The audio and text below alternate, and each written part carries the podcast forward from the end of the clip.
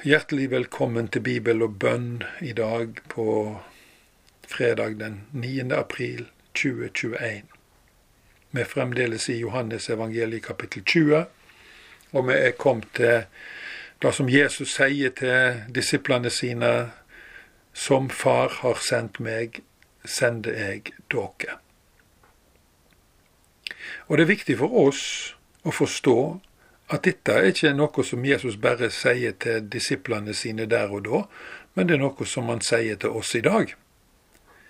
Gud, vår Far, sendte Jesus til jorda for å frelse alle mennesker fra synd og skyld og dom, og for å kalle Israels barn til omvendelse og tru.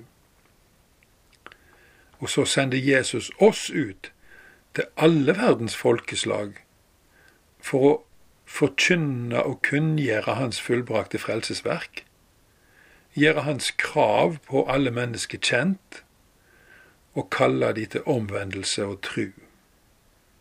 Det er ingen frelse å finne noen andre plasser, ikke i noen religioner, ikke i noen tankebygninger, bare i Jesus Kristus. Og alle som tror på Han, har, og som har lukka Han inn i sine liv, har denne frelsa. De som nekter å stole på Jesus og overgi seg til Han, blir stående utenfor samfunnet med Gud for evig og alltid, så sant de ikke besinner seg og kommer på andre tanker og vender om. Kjære kristne venn, du er utsendt av Jesus, og du representerer Han, og du har Hans autoritet. Slik som Jesus hadde mandat fra himmel til å forkynne, helbrede og tilgi, slik har du det òg. Mandatet har du ved trua på Jesus, for ved trua på Han så bor Han i deg.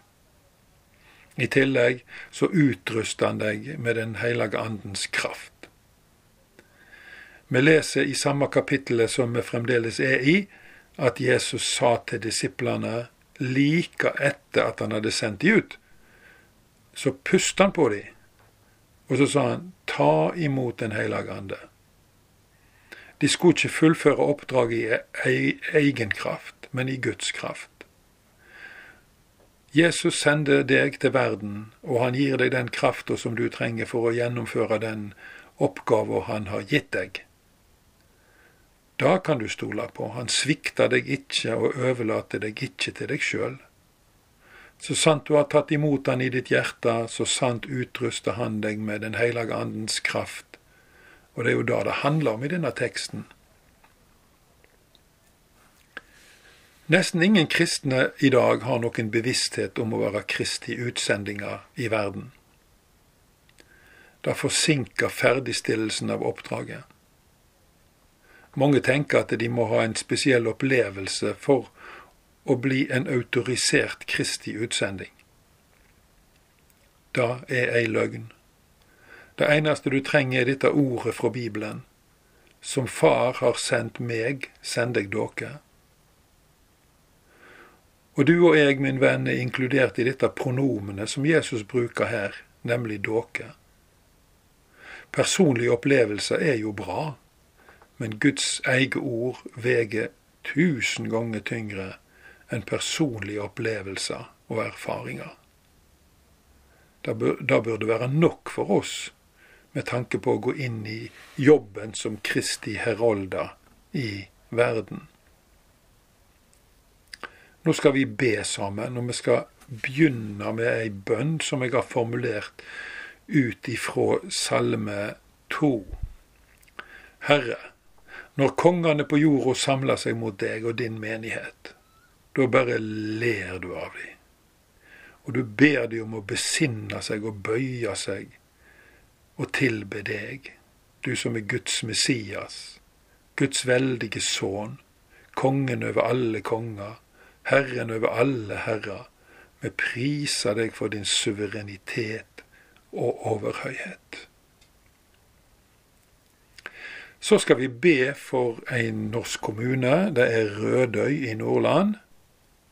Der bor det 1200 mennesker. Vi skal ikke gå så langt inn i Rødøy, kunnskapen om den, men Du kan jo lese litt sjøl og google deg litt fram til hva, hva som skjer på Rødøy i Helgeland. Og så skal vi be for et unådd folkeslag, Garasia-folk i India. Og vi skal be for ei som bor i Usbekistan som heter Tatjana Akhmadijeva. Som har fått ei stor bot for å ha distribuert kristne hefter til folk. Så la oss be i Jesu navn for disse tinga. Herre, vi ber i dag for Rødøy kommune i Nordland på Helgelandskysten. Der bor ikke mer enn 1200 mennesker. Men du, Herre, har gitt ditt liv for de alle sammen. Og mange av de kjenner helt sikkert ikke deg, og vi ber, gjør deg kjent for de i ditt eget navn. Bygg opp din menighet og ditt rike i Rødøy kommune. Og det samme ber vi om for alle de 400 000 unådde menneskene i Garasia-folket i India. De lever i stummende åndelig mørke, i avgudsdyrkelse og synd og elendighet, og vi ber om frelse for dem. Og vi ber om at du skal løse dem fra hinduismens åndskrefter og løgntanker og alle disse falske gudene som de ærer og tilber. Og så skal de bøye seg for deg, du som er den sanne Gud, og som har gitt de frelse gjennom din død og oppstandelse. Gjenfød dette folket i Jesu Kristi navn. Og Så ber vi i dag om styrke og kraft for Tatjana Akhmadijeva i Usbekistan. Denne dama er veldig modig og veldig overgitt kristen. Og jeg vil bare be deg om at du velsigner henne og styrker henne og holder henne oppe med din rettferds høyre hånd, og at hun får lov å beholde frimodigheten sin og kanskje spre den til andre kristne, slik at ditt rike går fram i dette sentralasiatiske landet, som også ligger i islams skygge. La oss be Herrens bønn.